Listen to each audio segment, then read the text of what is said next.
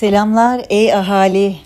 2021 yılının ilk gününün güneşin tepede olduğu bir öğle vaktinden sizlere kalpten sevgi ve selamlar. 2020 sizin için her nasıl bir yıldıysa dilerim yeni yıl da gönlünüzce olsun. Dilerim 2021 yılında ihtiyacımız olan adımları atacak, kalbimizin hakikatine doğru yol alacak ve ihtiyacımız olmayan, artık bize hizmet, et, hizmet etmeyen kalıpları, düşünceleri, ilişkileri, alışkanlıkları, davranışları, maddi, manevi tüm yükleri bırakacak gücümüz olsun.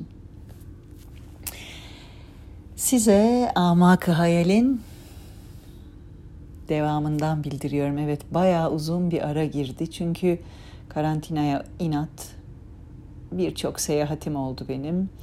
Ve seyahatler arasında gidip gelirken kafamı toplayıp sessizliği bulup amak hayal okumaya fırsatım olmadı. Geçenlerde bir tur okuyayım dedim. Okudum da fakat bir bölümü atlayıp okumuşum. Yayına koymuşum. Değiştiremedim bir sürü teknik aksaklık oldu. Aman be dedim. Aman be ne acelesi var? Olacağı zaman kolaylıkla olacaktır zaten. Ve şimdi biraz uzunca bu girizgahımdan sonra dilerim affedersiniz beni araya böyle car car car konuşmalar sokuyorum da. Ebedi Muamma isimli 8. günü okuyorum. Ve rasihüne fi ilim diyor başlangıç alıntısı. Bu Ali İmran suresinde geçermiş ve ismi şu demekmiş. İlimde derinleşmiş olanlar. Raci anlatıyor. Gözümü yumduğum vakit kendimi bir dershanede heybetli bir öğretmenin huzurunda buldum. Birkaç yüz kadar öğrenci vardı. Bir aralık elimi başıma attığım vakit tepemdeki kuyruk gibi saç bana bir Çinli olduğumu hatırlattı.'' Ve başka şeyler de hatırladım. Ben Nanken şehri ahalisinden ilim ve marifet talibi bir gençtim. Memleketim olan Çin'i baştan başa dolaşıp müşkülatımı halledemediğimden seyahat ve inceleme halkamı Hint'e kadar genişletmiştim. Hint'te pek çok ünlü alime müracaatla müşkülümü halle uğraştım. Lakin hiçbiri sorunumu çözecek bir cevap veremiyordu. Nihayet Brahmanlar içinde parmakla gösterilen bir münzevi alimi tavsiye ettiler. Hint'in kaplan ve yılanlarla bin türlü zehirli otla dolu ormanından birinin ortasında yer alan bir mabette yaşayan Brahman'ı buldum. İşte şimdi onun ilk dersinde bulunuyordum. Brahman uzun süre sessiz kaldıktan sonra mezardan gelen iniltiye benzer bir sesle bana hitap etti. Sanki bir ölü konuşuyordu. Ey Çinli öğrenci, müşkülün nedir? Ne arıyorsun? Cevap verdim. Ebedi muammayı. Öğrenciler hayretle birbirlerinin yüzüne baktılar. Anlaşılan hepsinin talep ettiği buymuş. Brahman tekrar söze başladı. Ebedi muammayı mı? Hangisini? Ben dedim ki, hangisini mi? Brahman, öyle ya, hangisini? Ruhun hakikatini diye yanıtladım. Brahman sustu. Ölü yüzü gibi renksiz, hareketsiz çehresi bütün bütün donuk, manasız bir şekil aldı. Ve biraz sonra şöyle dedi bana. Ruhu diriler bilemez. Ölmeye hazır mısın? Evet. Yanıma gel o zaman. Brahman'ın yanına gittim. Ve kulağıma şunları söyledi. Elinden geldiği kadar nefesini hapsederek om, om, om diye zikredeceksin. Haydi seni halvethanene götürsünler. Dipnot okuyorum şu anda bir parantez açıp. Hinduizm'de ruhsal ve mistik etkisi olduğuna inanılan kelimelerin en kutsalı sayılan hece budur. Aslı aum olan hecedeki bu üç ses yeryüzü, gökyüzü ve gök katlarından oluşan üç dünyayı Brahma, Vishnu ve Shiva tanrıları ile üç kutsal Veda metnini simgeler.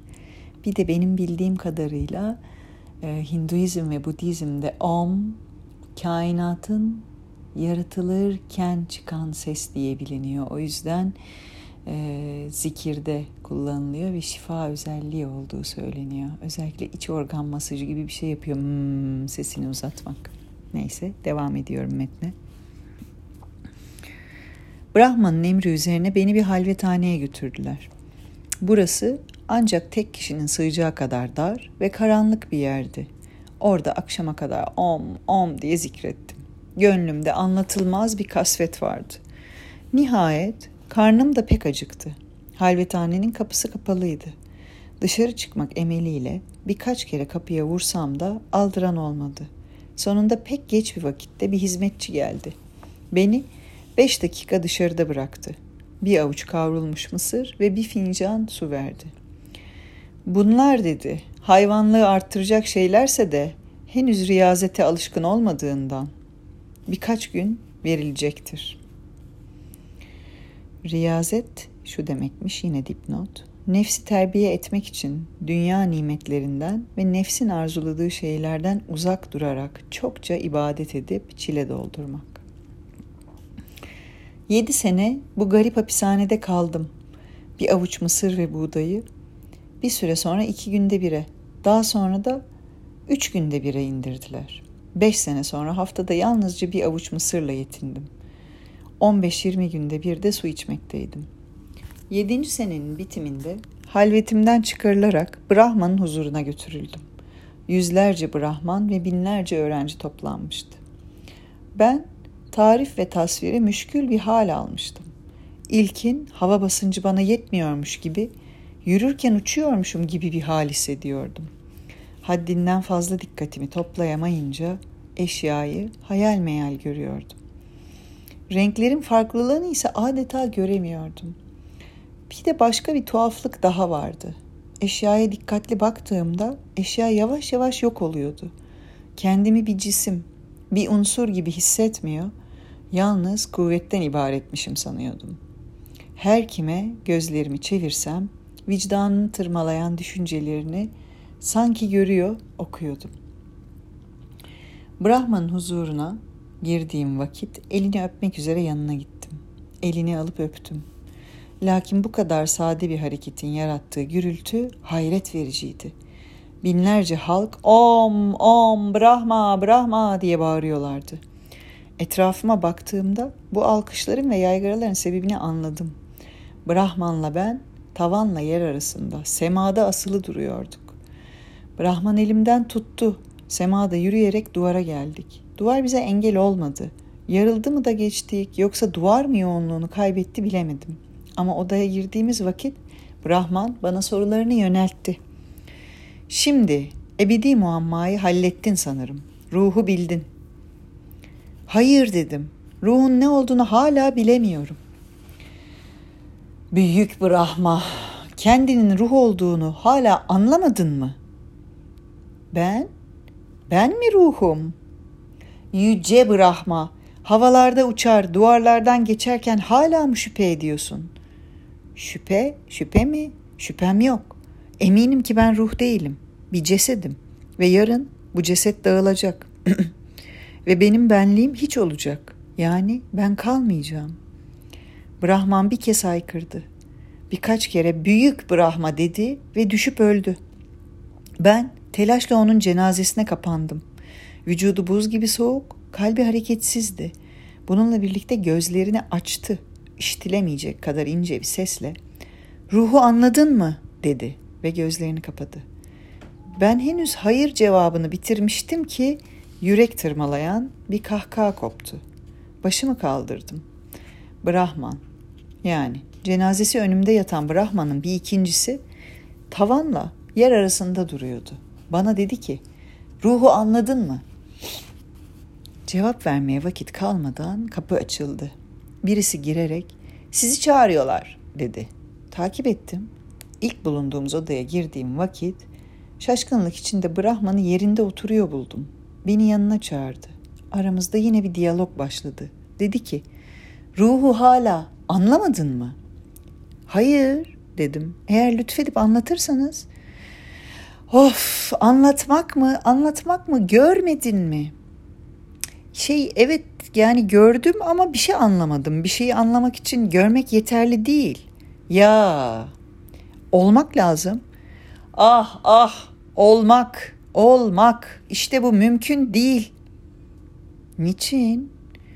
Çünkü olmak için evvela olmamak gerekir. Benim ilmimin maksadı bu makamdır.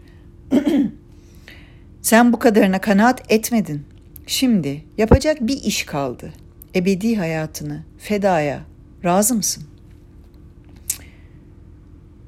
Lakin ebedi hayatımı feda edersem ruhu bilmekten ne kazanacağım? Hiç dedi bana. Madem ki hiç olacaksın, tabii ki bir kazancın olmaz. Sormaya devam ettim. Ebedi hayatta bize ne vaat edilmiştir?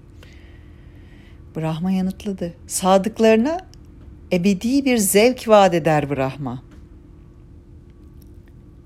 Söz bana geçti. Lakin bu ebediyette bendeki şu ruhu bilme düşüncesi baki kalacak mı? Üstad yanıtladı. Şüphe yok. Bütün kimliğimle baki kalacaksın. Dedim ki, öyleyse bu dehşet verici ebediliği feda ediyorum. Ya Rabbi, bana bir an durdurak vermeyen bu düşünceyle ebediyen yaşamak istemem, istemem.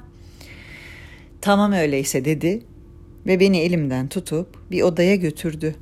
Kutuların birinden bir tomar çıkardı. Bunda yedi kişinin ismi yazılmıştı. Bana dedi ki, yedi bin senedir marifet uğruna ebedi hayatını feda eden ancak yedi kişi gelmiş. Sen sekizincisin. İsmini şuraya kaydet.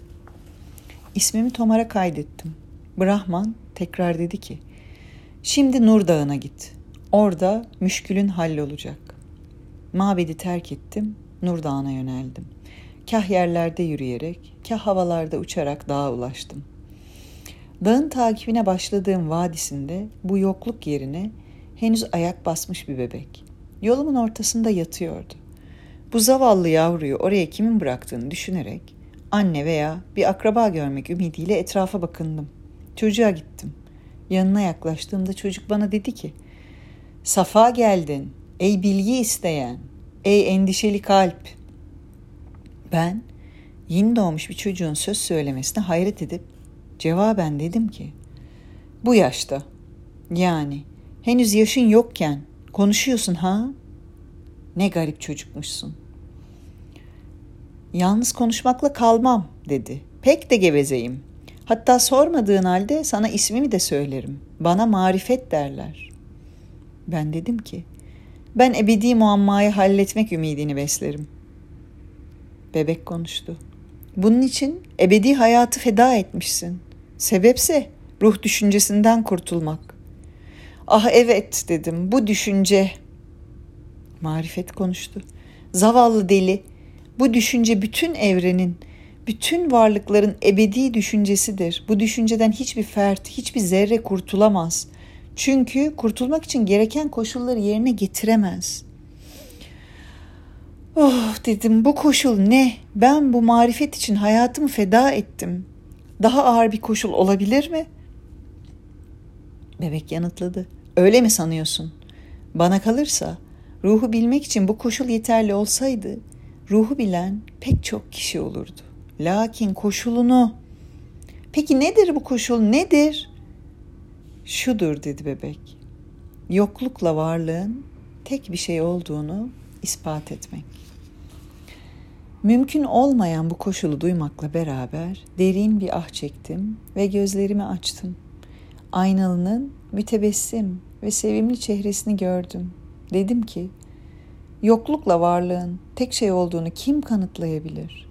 Böyle bir söz bile cinnettir. Bunu kim kanıtlayabilir? Kim mi? dedi aynalı baba. Bilmekle bilmemeyi bir tutan deliler. Bu bölüm bu kadar.